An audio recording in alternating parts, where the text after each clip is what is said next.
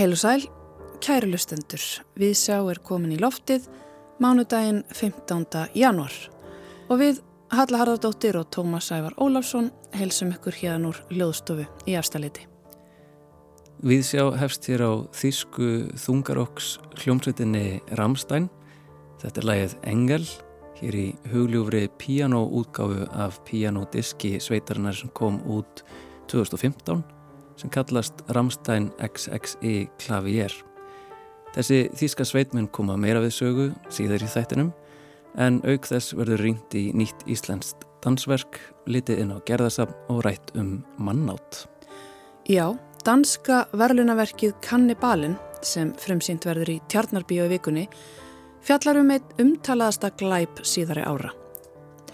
Tölvunafræðingin Armin Mæves dreymur um að geta aðra mannesku og hefur leitað einstaklingi sem er reyðbúin að hjálpa honum að láta draum sinn rætast. Leitin tekur enda þegar verkfræðingurinn Bernd Jürgen svarar kalli hans í afkemum internetsins. Bernd Jürgen ásynablega líka draum, hann vill vera getin af annari mannesku. Aðstandendur verksins hér á landi segja það ekki vera neitt hryllingsklám, heldur innlega leitað skilningi á slíkum verknaði. Ekkert sé skafað af ofbeldinu en jafnvel meira sláandi sé það sem mæti áhorfendum þegar kafaðir undir yfirborð þessara einstaklinga. Við ræðum við leikstjóran Adolf Smára Unnarsson og leikarna 2, Fjölni Gíslason og Jökul Smára Jakobsson í þætti dagsins. Einnig fá að heyra hvað trausta Ólafsinni finnst um nýtt íslenskt dansverk Ástíðirnar sem frumsvind var í borgarleikusinu um helgina. En við hefjum þáttina að líta inn í gerðasafn þar sem fyrsti fasi sjónlistasýningarinnar Venjulegir staðir opnaðum síðustu helgi. Venjulegi staðir er síning þar sem sjónarhorn ljósmyndarinnar er kannad með verkum sem vísa í staðleysur, kvestasleika og brenglun hans.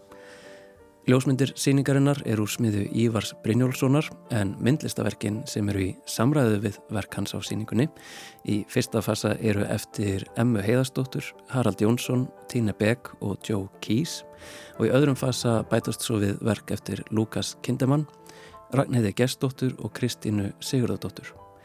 Sýningarstjórar eru Hallgerður Hallgrímsdóttir og Brynja Sveinsdóttir. Ég laði leið mína í gerðasafn í morgun og náði tali af Ívari og Brynju.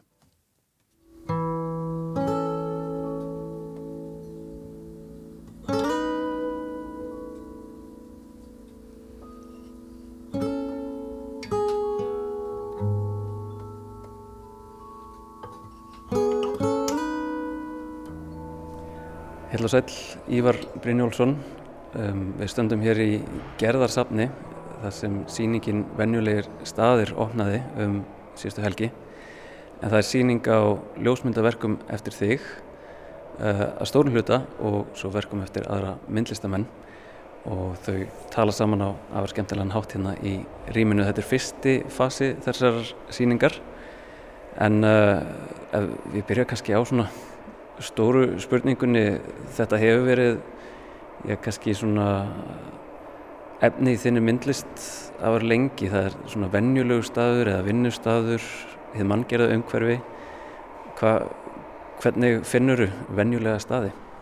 Sko þegar ég kem heim frá námið þá er náttúrulega sko landslagsljósmyndin yfirnæfandi yfir öllu hér og ég er enni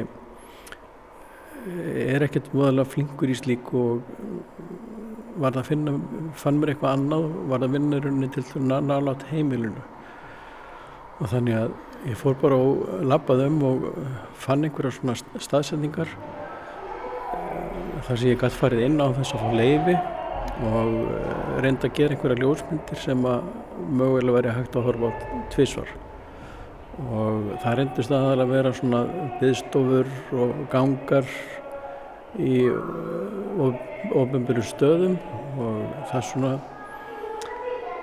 svo nota ég sko textan í rauninu til þess að negla niður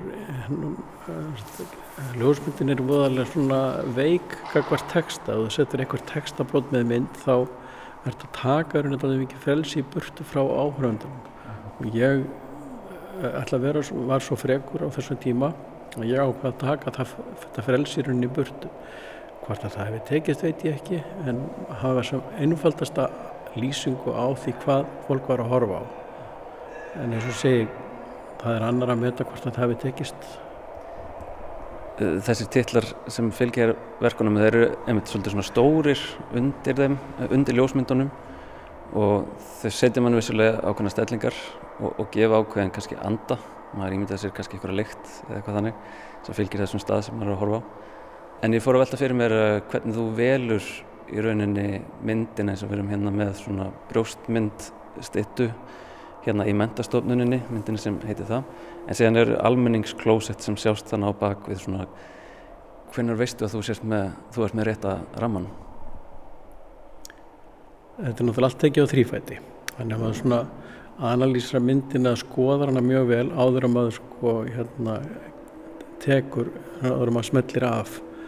Og oft teki nokkrar myndir reyfum með pínu lítið fram og tilbaka en svona hægt og sigandi þá kemst ég að þessari niðurstöðum að þetta sé ákveðin, ákveðin rammi sem að virkar.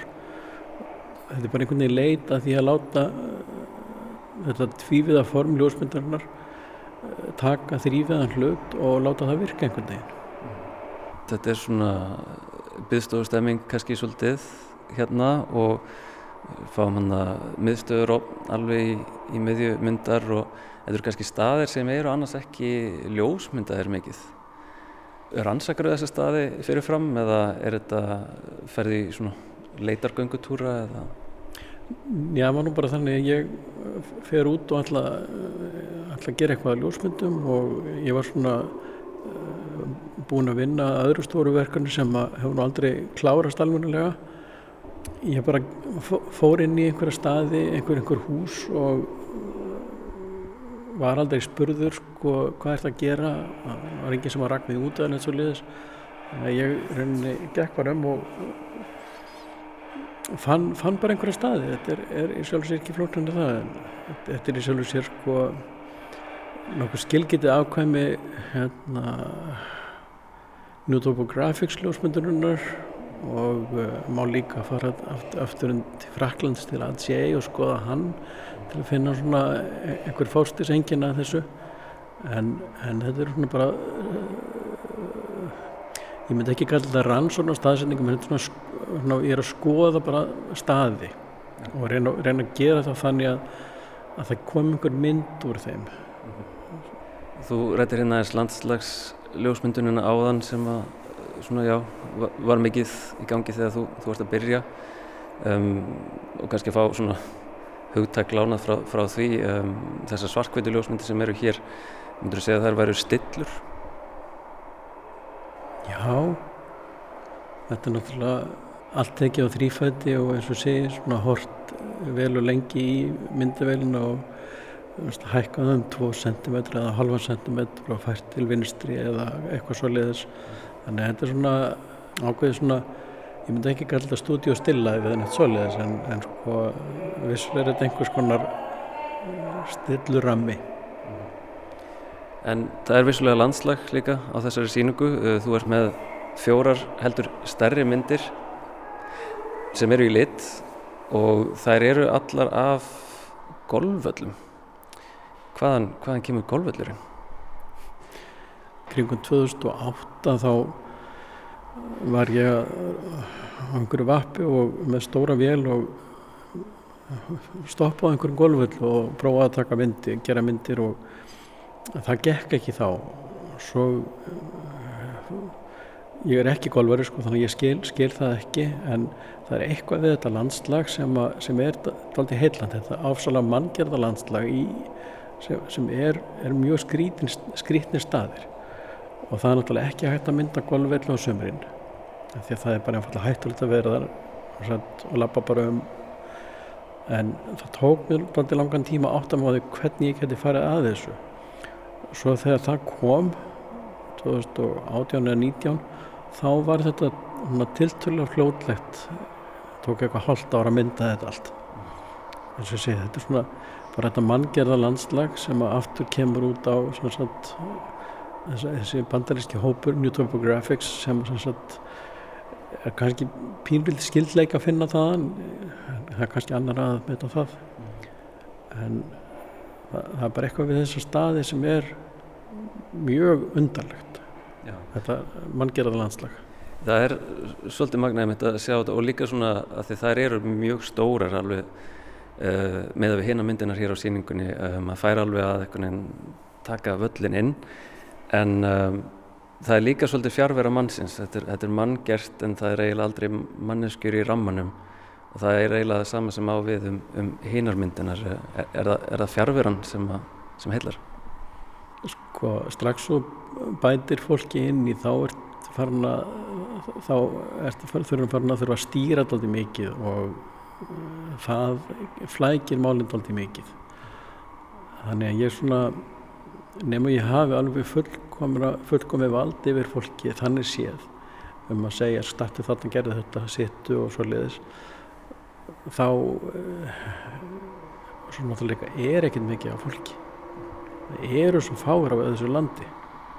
Meina, fólk er í bílum í stórmörkuðum en, en svo, svo sko er bara fólk ekkert nema heima hjá sér. Þannig að fjárveran er kannski ekki það þess að ég er að sækast eftir, hún er bara það sem ég finn.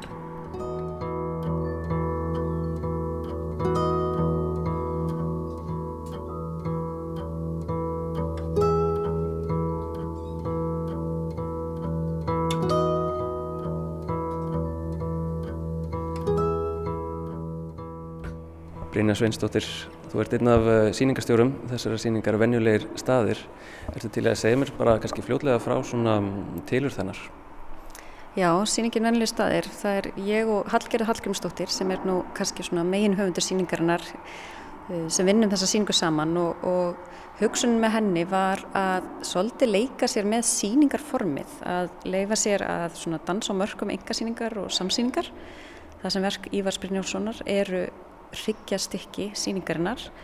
Eh, þetta eru serjur sem eru allt frá 1990 og svo nýjustu verkinn frá 2019 og setjum við þessi verk hans í samtal við aðra samtímalistamenn. Þannig að það eru, eh, við búum til uh, samband á milli verkana kannski með þar sem eru svipið hugðarefni, svipið fagufræði, uh, svipar áherslur og var kveikjan að þessari hugmynd í rauninni verkið vennilegi staðir eða myndir af vennilegum stöðum sem síningin heitir eftir sem er verk frá unnið 1990 til 1991 ef mann rétt. Og þar sem við okkur þótti þetta verk eiga svo mikið erindi við samtíman Og þetta er einmitt svona mér finnst þetta að vera að kanna kannski eins svona einmitt lendur sko ljósmyndar sem er oft svolítið svona form sem er svo, mjög vel rammað inn um, og svona hvernig hún tegir sig út í myndlistina og, og kannski þetta róf þann á milli um, þessi mörg en, en ertu til að kannski segja mér frá eins og einu, einu verki og, og, og hvernig þér finnst það svona stig, tengjast myndum Ívars og Víka Já, þetta er emmitt eitt af því sem við vildum gera með síningunni er aðeins að stríða ljósmyndamiðlinum og það er eitthvað sem bæði ég og Hallgerður höfum oft uh, veld fyrir okkur. Hvernig, hvenar, hvenar er eitthvað ljósmynd, hvenar er það skuldur, hvenar er það málverk, hvenar er það vítuverk og leifa sér aðeins að má út þessi skil og þá auðvitað líka íkjast þau. En á síningunni þá eru til dæmis skuldurar eftir Emmi Heiðarstóttur, hún er reynda líka með lámynd og vítuverk Um, Skúltúrin eftir hana er, er svona, kannski myndi segja svona klassískur eldhúsdóll frá svona 1960-70 sem er aðeins búin að bokna og, og hérna, verða að einhverjum svona svolítið fyrðulegum hverstagslut og þetta er kannski eitt af þessum megin svona stefum sem maður getur fundið í síninguna hvað, hvað þessi hverstagsleiki og okkar svona uh, almenna umhverfi getur oft verið bæði ótrúlega ómarkvert, ótrúlega merkilegt, humoríst og sagt fleiri fleiri sögur. Og auðvitað þetta, það sem ljósmyndin gerir svo ótrúlega magnaðan hátt, er að ná að fanga bæði einhvers konar frásagnir, einhvers konar augnablík, auk þess sem Ívar gerir svo listilega í sínum verkum, er að fanga einhvers konar millirými og nánast svona, það má segja svona jafnvel svona skort á rýmum sem á sjá einmitt í seríunni myndir vennilegum stöðum. Stóra spurningin, hvað er vennilegu staður? venilegu staður er náttúrulega stórfyrðulegt fyrirbæri í rauninni og öll okkar umgjörð einmitt eins og sérst á verkinu þar sem við sjáum golfvelli að vetri til og, og utan svona síns mesta nótkunar tíma og sér maður hvað, hvað við erum búin að búa okkur til oft kostulega umgjörð og hvernig uh, við erum með kannski hversu óljóskilin er á milli náttúrunar í svona sínu viltu formi og manngerðar náttúru, manngerðas umhverfis. Og þetta eru kannski þau stærstu grænusvæði sem er svona innan höfuborgarsvæða og innan, innan hérna, byggðra svæða sem eru bæði náttúra eitthvað brjálaðslega stýrt brjálaðslega stýrt umhverfi og, og notað á mjög kostulegan hátt um, þannig að þetta er eina, eitt af verkunum sem kannski rammar einmitt inn hvernig, hvernig venjulegu staður getur verið alveg einstaklega forvitnilegur, humorískur og sérstakur og, og hægt að búa til alls konar tengingar og lesa úr því stóra sögur bara um, um mannin og hvernig hann nálgast umhverfi. Uh, sýningin opnaði núna um helgina um, en þetta er bara fyrsti fasi þessar síningu og svo verður annar fasi opnaður núna í februar. Já, við ákvaðum að vera aðeins líka að leika okkur með það síningaform að leifa síningunni að sagt, opna í öðrum og salnum og svo skrýða yfir í hins salin og setni opnin verið 10. februar og uh, núna á þessum fyrirfasasýningarnar eru sérstaklega verk eftir Emmu Heiðarsdóttur, Harald Jónsson, Joe Keys og Tine Beck sem er dansku ljósmyndari og á setni fasasýningarnar þá verða verk í varsett í samtal við Kristínu Sigurðardóttur ljósmyndara, Lukas Kindermann, Ragnæði Gessdóttur og aftur Tine Beck þannig að þetta eru aðeins aðri listamenn þó að sömur séu þeir sömu og þar fær þetta þema um hverstagsleikan að, að aðeins fara í svona óvæntar áttir. Í þeim sál þá verða tvö verk eftir Ívar, það eru hérna verk af bláfjöllum sem þetta sumri til og, og eins seria sem sína okkur tjöld eða svona reynir að í rauninni kannski sína okkur og ekki sína okkur og leika sér með mörkjunum mellir tvívítur og þrývítar og þar má segja að þemað fer kannski aðeins úti í þessa svona um, staðleysur hliðranir á rýmum hún fer meira segja aðeins út í geim í svona sci-fi hugsanir og, og stríður okkur aðeins með bæði. Hvað eru vennilega myndir?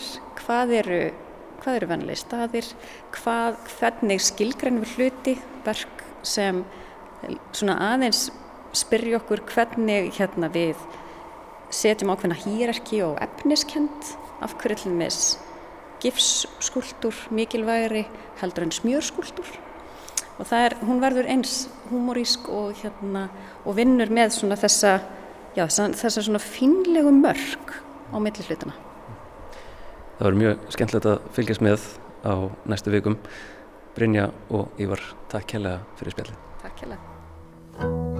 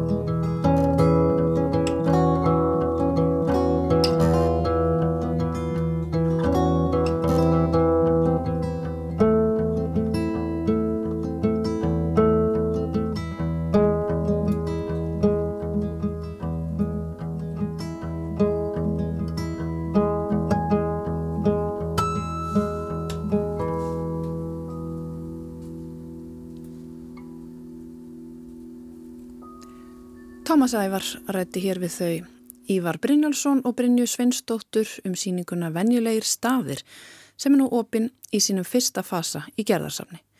En þá er það leikhúsið. Um liðna helgi var frumsýnt nýtt íslenskt dansverk á stóra sviði borgarleikhúsins Ástíðirnar eftir þær valgerði Rúnastóttur og snætisi Lilju Ingadóttur Trausti Ólafsson tekur nú við. Dansinn hefur fyllt mannkininu lengur en nokkur fær getið sér til. Frá örofi alda hefur þessi list verið yfguð við ímistilefni. Jamt í sorg og í gleði hefur tjáning í dansi verið fólki nærtæk. Hljóðfara sláttur og dans voru einninglöngum og eru enn ríkur þáttur í helgisíðum í ymsum menningarkimum. Það má því leiða því líkur að dans og síðarlist dans eigi sér lengsta sögu allra sviðslista. En það er dans mjög náttúrulega tjáning og má jafnvel gera því skóna að dansin sé eldri en mannkinnið. Fyrir að margar dýrategundir, kannski einhverjum fugglar, en einningur annur dýr meira að segja skortýr, bregða á leik í sínu lífi í reyfiminstrum sem minna á dans. Alheimurinn, reykistjörnur, fylginhettir þeirra og vetrarbrautir hreyfast líka í reglurugum takti og minstrum sem eru grundvöldur þess að sem minst fari úrskeiðis í þeim stórfenglega struktúr. Dans og taktastar hreyfingar eru einnig ríkur þáttur í eldfornri leiklist Östurlanda. Japan, Kína og Indland, svo ekki sem minnst á Bali, eiga margar slíkar hefðir og dans og trumbusláttur er eitt megin enkenni í rítúölum sem tengjast sjamanisma. Með yðkun danslistar nálgunst við þess vegna líklega einhvert kjarna sem liggur fólkin djúft í eðlimannkins og samfélaga. Og þegar veltekst til, glóir þessi kjarni og lýsir upp tilveru okkar. En þótt dansiðkun sé æfa forn, er íslenski dansflokkurinn ekki sérlega gömul listastofnun. En mér fannst samt í mörg ár þegar ég fyldist betur með starfið hans en ég hef undanfari gert síningar íslenska dansflokksins með því besta og áhugaverðasta sem var sínt í íslenskum leikúsum. Tillökkun var mér því eftir í huga þegar ég bjóð mér í huganum undir það að fara að sjá ástíðirnar sem íslenski dansflokkurinn frumsýndi í borgarleikúsinu á lögartaskvöldið og var í samstarfið við Forward Youth Company. Höfundar þessa nýja dansverks eru þær Valgerður Rúnarsdóttir og Snædís Lilja Ingadóttir sem báðar eiga að baki glæstan feril sem dansarar og danshöfundar. Öðvitað er ekki neitt sérstaklega frumlegt að velja sér ástíðirnar að yrkisefni og kannski enn minna frumlegt að leita í svo margspilaða tónlist sem fyrlukonsertar við valdi með samanapni eru og sækja þar að auki innblástur í áður skapaða balletta sem samtir hafa verið við þessa tónlist. Samt er þetta einhvern veginn alveg pottjætt konsept, þótt svo áhætt að fylgi því að verkið geti orðið klísukent.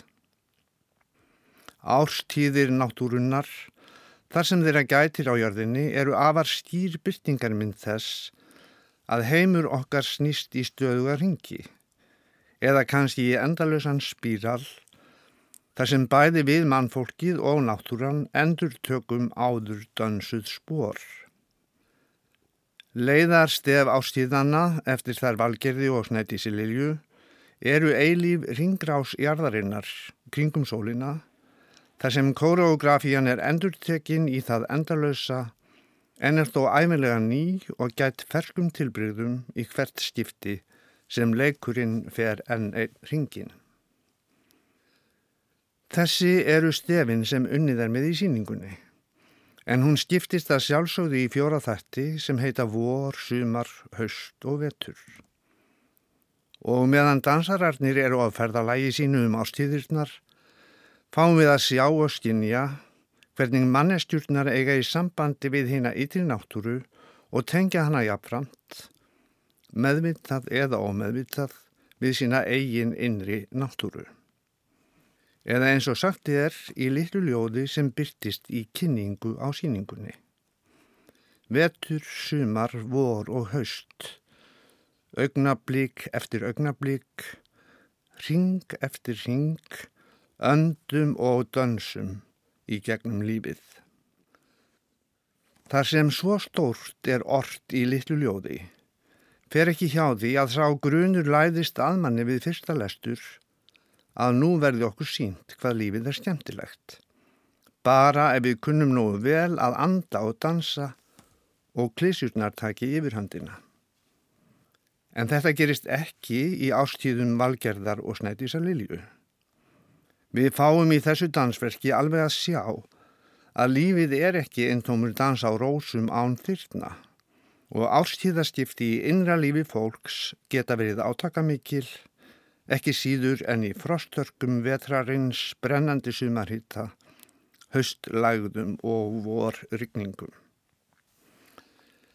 Er valgerður og snætislilja klikka sem sagt ekki á því að staðfesta það við okkur áhörvendur að lífið er ekki endilega fyrir byrjandur, sama hversu vel þeir eru í stakkbúnir til að anda djúft og taka snörp og snöfur mannleg dansspor.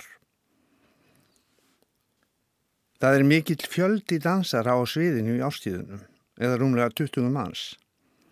Þetta fólk er í mist dansarar Íslenska dansflokksins eða meðlimir Forward Youth Company, hins framsakna kompanís eskunnar, en þarna koma einnig fram nefendur úr dansdeild Listaháskóla Íslands, auk þessum tveir leikarar og tvær nýju ára gamla stúlkur taka þátt í síningunni.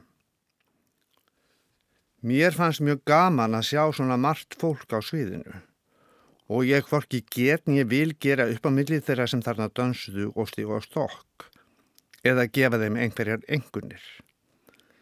Heldar áhrifin voru falleg og ég fann aldrei fyrir öðru en að allir væri búinir að æfa sig vel og síningin væri full búin. Það er Áskjell Harðarsson sem semur tónlist og hljóðmynd í síningunni. Hann fór fimmum handum um þekkt barokkstefin hans við valdi og brá á leik með ný sem ég heyrðist að byggðust líka á gömlu góðu ástíðakonsertonum eftir ítalska meistaran. Margrét Sematakjar er höfundur myndbans og ljósmynda sem ber fyrir á sviðinu, Rebecca Ingimundardóttir hannar sviðsmynd, Tanja Huld Levi Guðmundsdóttir gerir búninga. Og Katerína Blahutova hannar lýsinguna.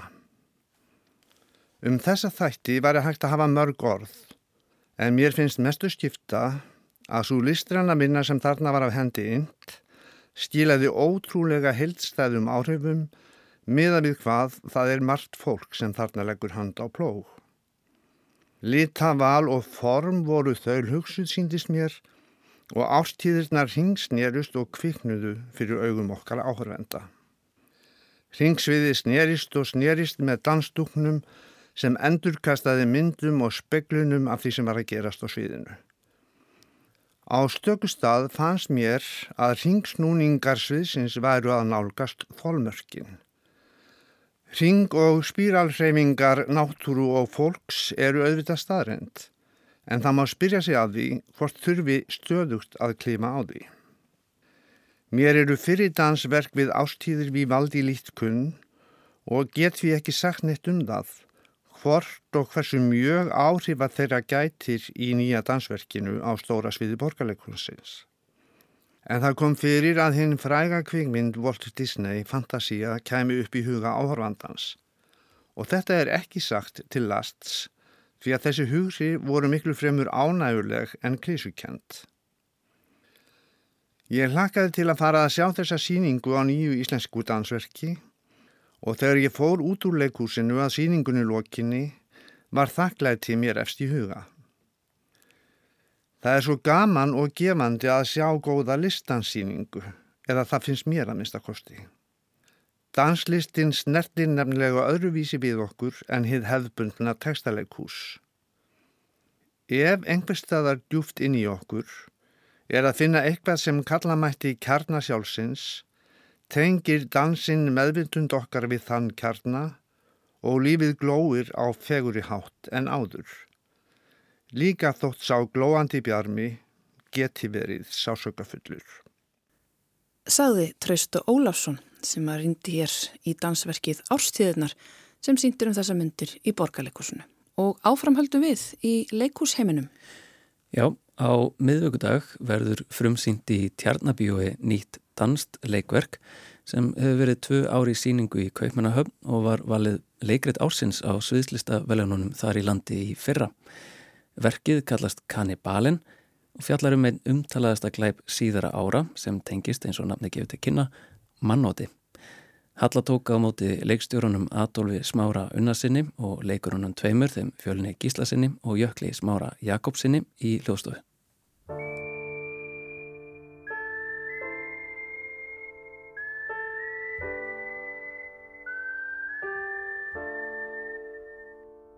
Adolf, Jökull og Fjölnir verið hjartanlega velkomnir í Viðsjá. Takk, takk aðslega. Sko ég held við þurfum að byrja því kannski bara að rifja upp þessa sögu sem að verki byggir á, er það ekki? Hver ætlar að taka boltan? Uh, ég skal byrja kannski. Þetta er náttúrulega byggt á sannri sögu, þískri sögu, uh, þar sem maður er nafni Armen Mæves sem er endar á lífi en það í dag sko, sittur inn í dag, uh, er mann þetta, er með langanir til að borða aðra manneski og hann finnur annan mann á netinu sem heitir Bernd Jürgen, Bernd Jürgen sem hafði þar langan er að vilja vera héttin og þeir mæla sér mót og svona hjálpa hver öðrum að láta drauma sína rætast. Þetta er árið 2001 sem þetta gerist. Mm -hmm. Þetta hljómar þetta alveg ótrúlega. Já. að mannæta, var það ekki þannig að hann setti bara auðlýsingi bladið og óskaði eftir einhverju mannesku sem væri til að uppfylla þessa þrá hans? Nei, þetta var heimasíða sem hétt Cannibal Café uh, já, eða svona, já, mannættu kaffihúsið og hann hafði hérna, skrifast á við marga á, á undununum og hérna en uh, það hafði aldrei gengið upp fyrir þeir tveir lóksin sittust. Þannig að það er til samfélag fólks á internetinu sem að ræðir saman mannátt. Svo hefur maður heyrt, já, einmitt. Þið uh, Jökull og Fjölnir hafi vantilega verið að stútera þess að tvo menn. Já, já við erum, við erum búin að vera fyrst og fremst hérna sem teimi að stútera þessa sögu mm -hmm. og hvernig við viljum segja hana, það er náttúrulega einhver, einhvers konar höfundrödd frá dönsku síningunni upprannlegu sem við erum að fylgja en líka bara finna okkar nálgun á hvað hvert við ætlum með þetta og, og auðvitað erum við með hana tvær svakalegar personur uh, sem að út frá því sem það er gera og sagan sem við erum að segja en það sem er svo mikið og svo fallet í þessu verki er líka bara að finna mannlega þáttin í personunum og þar finnum við, finnst mér uh, tengingu við það er til þess að geta settar á svið og, mm. og mhm. veri með þeim þannig í, í kvöldstund Það er svona einhvern veginn vinna leikarans að, að halda með personunum sko.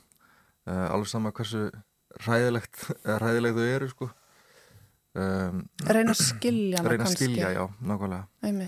Getur við fundið eitthvað fallegt í þessu sem þeir eru að gera eða, og þú veist hvers, hvar, hvar eru mörkin á þetta verður viðbjóslegt eh, getur við sagt þessu án þess að það sé viðbjóslegt þetta er bara svona búið að fara alveg fram og tilbaka. Mm -hmm. eh. Sko ef við tölum aðeins um, sko, um leikverki og hvernig það er byggt upp og hvernig sko danski höfundurinn kafar ofan í þessu sögu, Adolf, hvernig Þetta er frumsýnd þarna fyrir tveimur án síðan í Danmörku, verkið slæri gegn. Getur þú svona aðeins sagt okkur sögu verksins? Uh, já, er, þetta er bara glænit verk frá Danmörku eftir danska leikskaldið Jónis Lillöri og verkið var sem sagt alveg leikut ásins á dönsku sviðslitvelunum bara í fyrra og er enni síningu þegar við sínum út, það er enni síningu út í Danmörku þannig þetta er frábært tækifæri fyrir íslenska leiksáhundur að koma bara beint í, í, í það sem er gerast úti í, í Skandinavíu og sjá þau verk en það sem er svo hérna ótrúlega fallegt en líka krefandi þetta verk er bara hvernig hann segir þess að sögu. Þetta er mitt á mill þess að vera heimildaleikús og séðan dramatískar dramatíst verk þar sem hann leikskaldi leiði sér að fylla upp í eðunar á verkinu. Þannig að hann bæði er að segja í svona ofti tekstin í svona þriðju personu að segja mjög kallt frá hlutunum eins og, eins og rött í heimildaleikús eða rött í heimildamend en síðan stekkur hann inn í, í personunnar og, og, og, gefur sér okkur kringustæri í þeirra lífi og, og þannig við erum svona flakkað þetta á milli og þetta er mjög áhugavert og það sem er líka virkilega sko svo stert að texta, hann er þessar personur, það er engin sko, það er engin bara óbeldismæður eða bara fórnalamb, þetta er náttúrulega þetta er saga um óbeldisverknar en það sem er svo merkild í í þessu máli er að fórnalambi gefur leifi fyrir verknæðanum, þannig þetta er svona á virkilega grá svæði, þannig það er aldrei verið að dæma, það er alltaf verið að leita sko leita að einlega að leita svörum hvað drýfur menn til þess að fremja svona óhugsandi verknað mm. og við hérna, fengum að heyra frá leikskaldinu, hann var að lýsa því hvernig hann hefði verið sko í, í veistlu í Danmörku og, og heyrt þetta mál verið að tala um þetta mál og þar hefði einu orðin sem hægt verið notað að þessi menn verið gæðveikir að siðblindur og hann nær alveg að fara frá þessum örgulega grundallar mistökum ef maður ætlar að skrifa þetta leikrit og hann er alltaf ofin og alltaf innlegur með þessum mönnum sem mínist virkilega áhrifaríkt. Þannig að það sem að drýfur hann áfram er þetta gráa svæði? Já, þetta gráa svæði og e- ekki beint sko, það er svo auðvelt þegar, ég, þegar fjölnir kynnti þetta verk fyrir mig fyrst þá var ég mér ósað á þetta ég held ekki að þetta væri einhvers konar bara jafnvel hryllingsklám eða þú veist, einhver bara ofbeldi út á ofbeldinu sjálfu og, og það er ekki skafað neinum lýsingum eins og verki en það er, það er ekki beint það sem er það mest óhuglandi í, í verkinu grófu, grótisku ofbeldilýsingarna heldur það er bara bara þessi menn mæta og þegar kafa aðeins undir yfirborðið hvað mætir okkur þá? Og, og það er, finnst mér það erfiðasta í verkinu að horfa. En er þetta, þetta er sem sagt, þetta er heimildalegús og það er skaldaði eðurna segiði, en er þetta, þetta er sem sagt, uh, það er ekki verið að fara út í einhverja abstrakt pælingar, þetta er raunsæðisverk.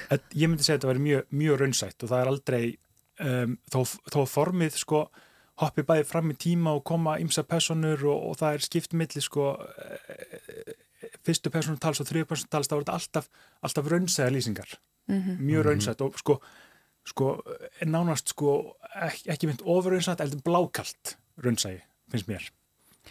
Þannig að það verður að kafa ofan í samband þessara tvækja manna, hvernig þeir mætast þarna og ná eitthvað meina að svona uppfylla þrár og langanir hvers annars og kannski var ég myndið að segja þessi tveir mjög einmanna menn, ég veit það ekki, er verið að tala um einmannaleikan kannski líka eða, eða hvað segir þið?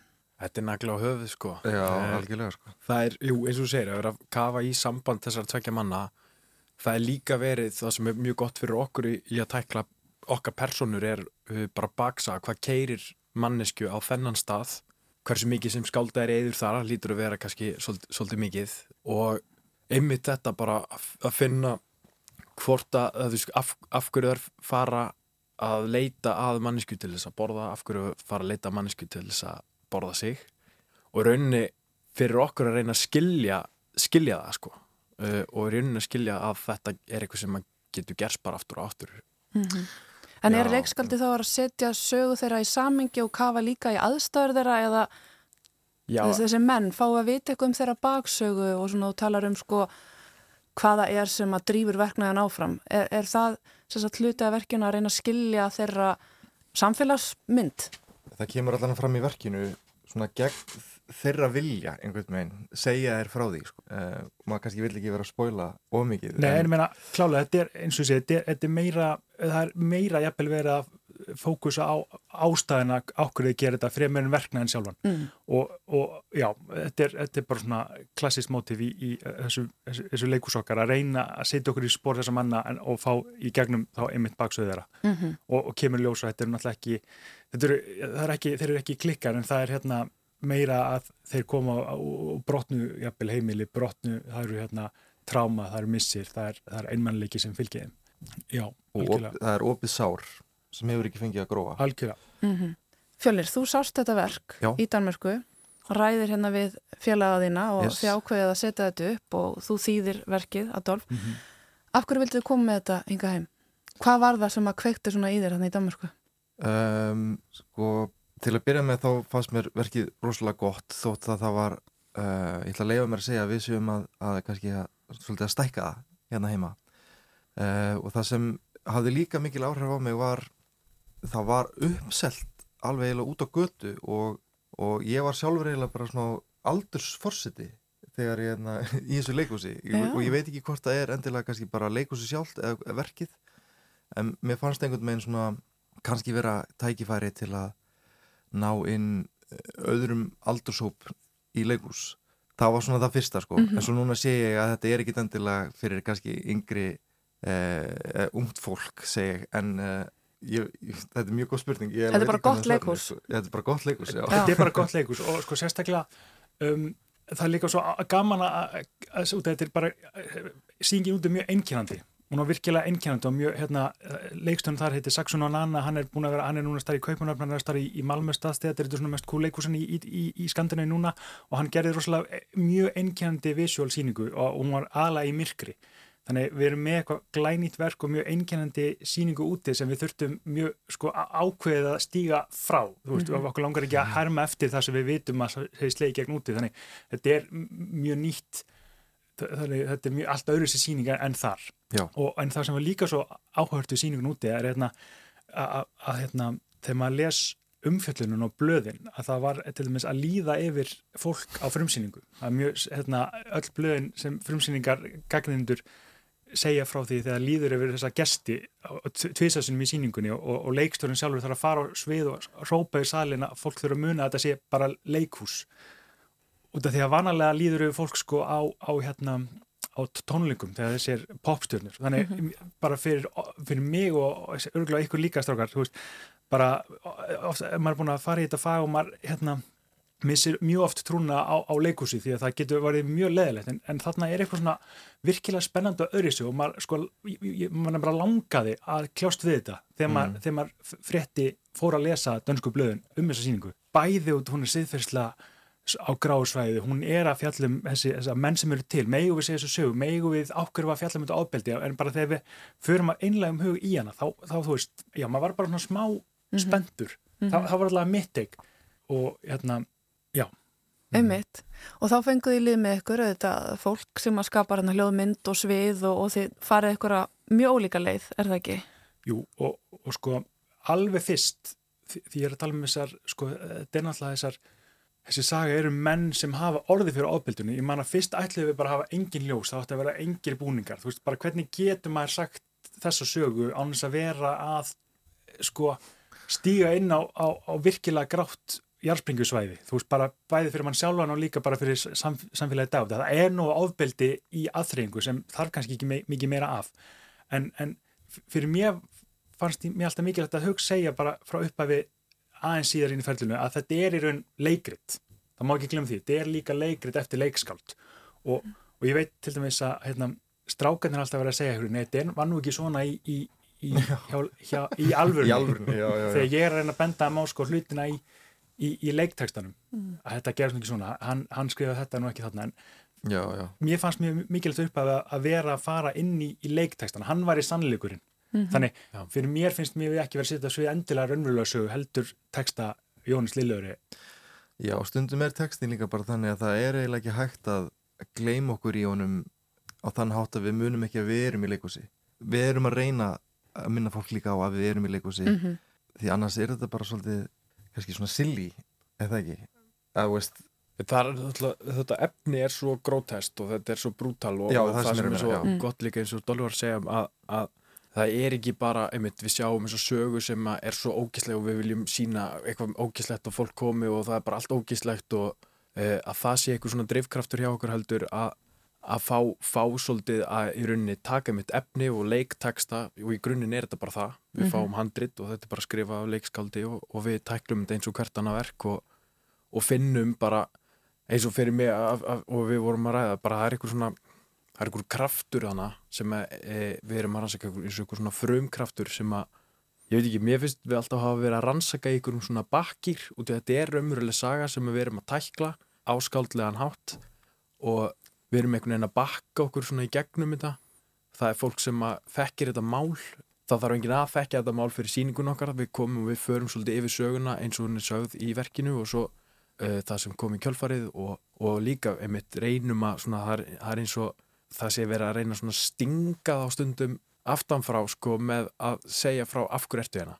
Þeir eru mættir í þessar aðstæðar, uh, Bernd Jörgen er mættur heim til armen og svo allt í innu þarf hann að segja af hverju ertu hérna? Uh, í verkinu og þetta er mjög áhugavert svona samspil með einmitt líka bara tíman. Já, og líka bara samspil, fyrir bara hverju ertu hérna, það er líka oft finnst mér leikskóldi sjálft að adressa áarunduna.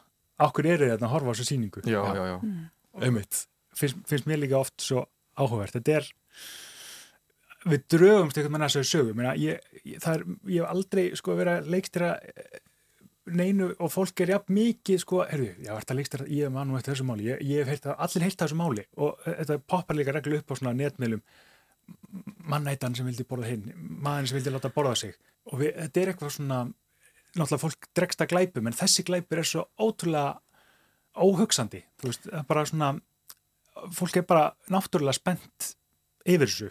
Og hérna, ég ætla ekki að segja að fólk verður endilega fyrir vonbröðu með það sem við komum að sjá en ég held að fólk er ekki að fara að sjá í þessari síningu það sem að haldi að, mm. að, að, að sé að fara, þau sé að fara að sjá mm -hmm. mm. ég held að hún komið alltaf aftan aðeins Þetta eru þetta, ég hugsa að þú þurfur ekki endilega að hafa áhuga á glæpum til að hafa áhuga á þessu máli eins og þú segir, þá er þetta bara svo áhuga verður þetta bara mannlýf stúdíu á þarna þessu tveir ótilegu menn sem að mætast sem að bara eiginlega skilur ekki hvernig getur gerst -hmm.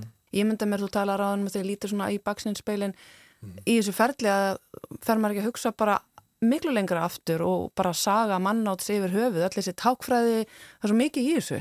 Jú, þú veist, þetta er uh, þetta er eitthvað svona þema, mannátt uh, auðvitað sem verðist líka vera svolítið að poppa upp núna bara í bókmyndum og, og, og hérna, þetta er, svo, þetta er svo mikil synd og ég bara persónulega líka og sem maður svona kynni sér að þetta er alltaf ef þetta ætti að ske þá ætti þetta að gerast í brínustu nöðsin að þú borðir aðra mannesku og uh, væntalega myndir ekki vilja vita hver það væri og eitthvað svona þetta er bara uh, eins og maður hefur séð í, í ykkur svona uh, heimsenda þáttum og, og sjómarsöfni eins og hérna hérna Uruguayar flugslýsið og, og hérna Last of Us. Þar kemur fram eitthvað svona þetta er og, og þetta, maður fær í magan bara að vita af hugmyndinni, við sjáum ekki endilega manna, mann átið eða við sjáum það en við fáum bara í mallan við að hafa hugmyndum það er verið að borða þar mannsku. Mm -hmm. Nákvæmlega, og þetta er það, kannski það sem ég var að meina á þann því að textin væri svolítið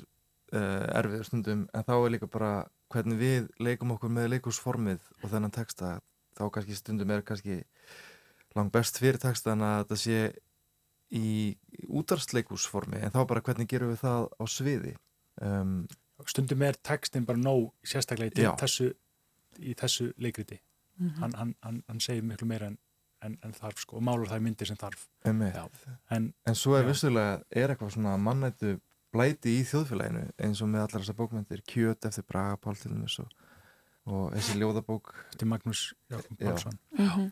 ég, ég held að það sé út að við erum ánum svo ótrúlega hérna, sálun okkur án ykkur svo í, í eterinu og, og hérna við erum ánum svo við erum ánum svo ósamtengt við, við sjálf okkar út af svarsýrumum og, og háraða og hérna við viljum bara fá bara finna fyrir líkamannum okkar Þurfum við bara grótasku bara. Já, við þurfum eitthvað að munna að við erum bara eitthvað kjött og það er hægt að borða okkur.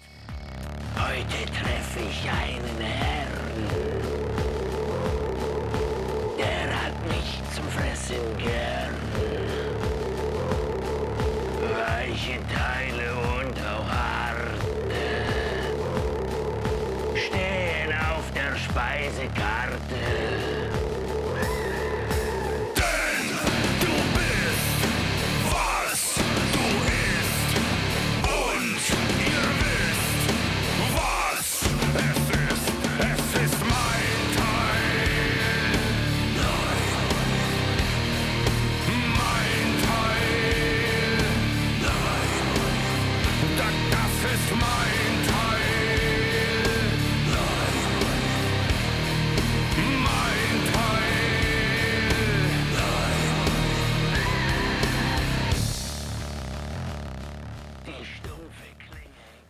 Du bist, was du ist, syngur þíska þungarokksveitin Ramstein í læginu Mein Teil. Lag sem er innblásið af sögu þessara tveggja manna sem koma fyrir í verkinu Kannibalen sem frumsýnd verður í Tjarnar bíói á miðugudaginn 17. januar. Og þá eru við komin að lokum þáttar við endum hann á hugljúfum tónum frá Ramstein. Þetta er Frúling in Paris eða Vor í Paris af hljómdisknum Ramstein XXI Klavier. Við Tómas og Halla þökkum fyrir okkur í dag. Við venum hér á sama tíma á morgun og minnum á spilararúf þar sem hægt er að hlusta okkur hvena sem er.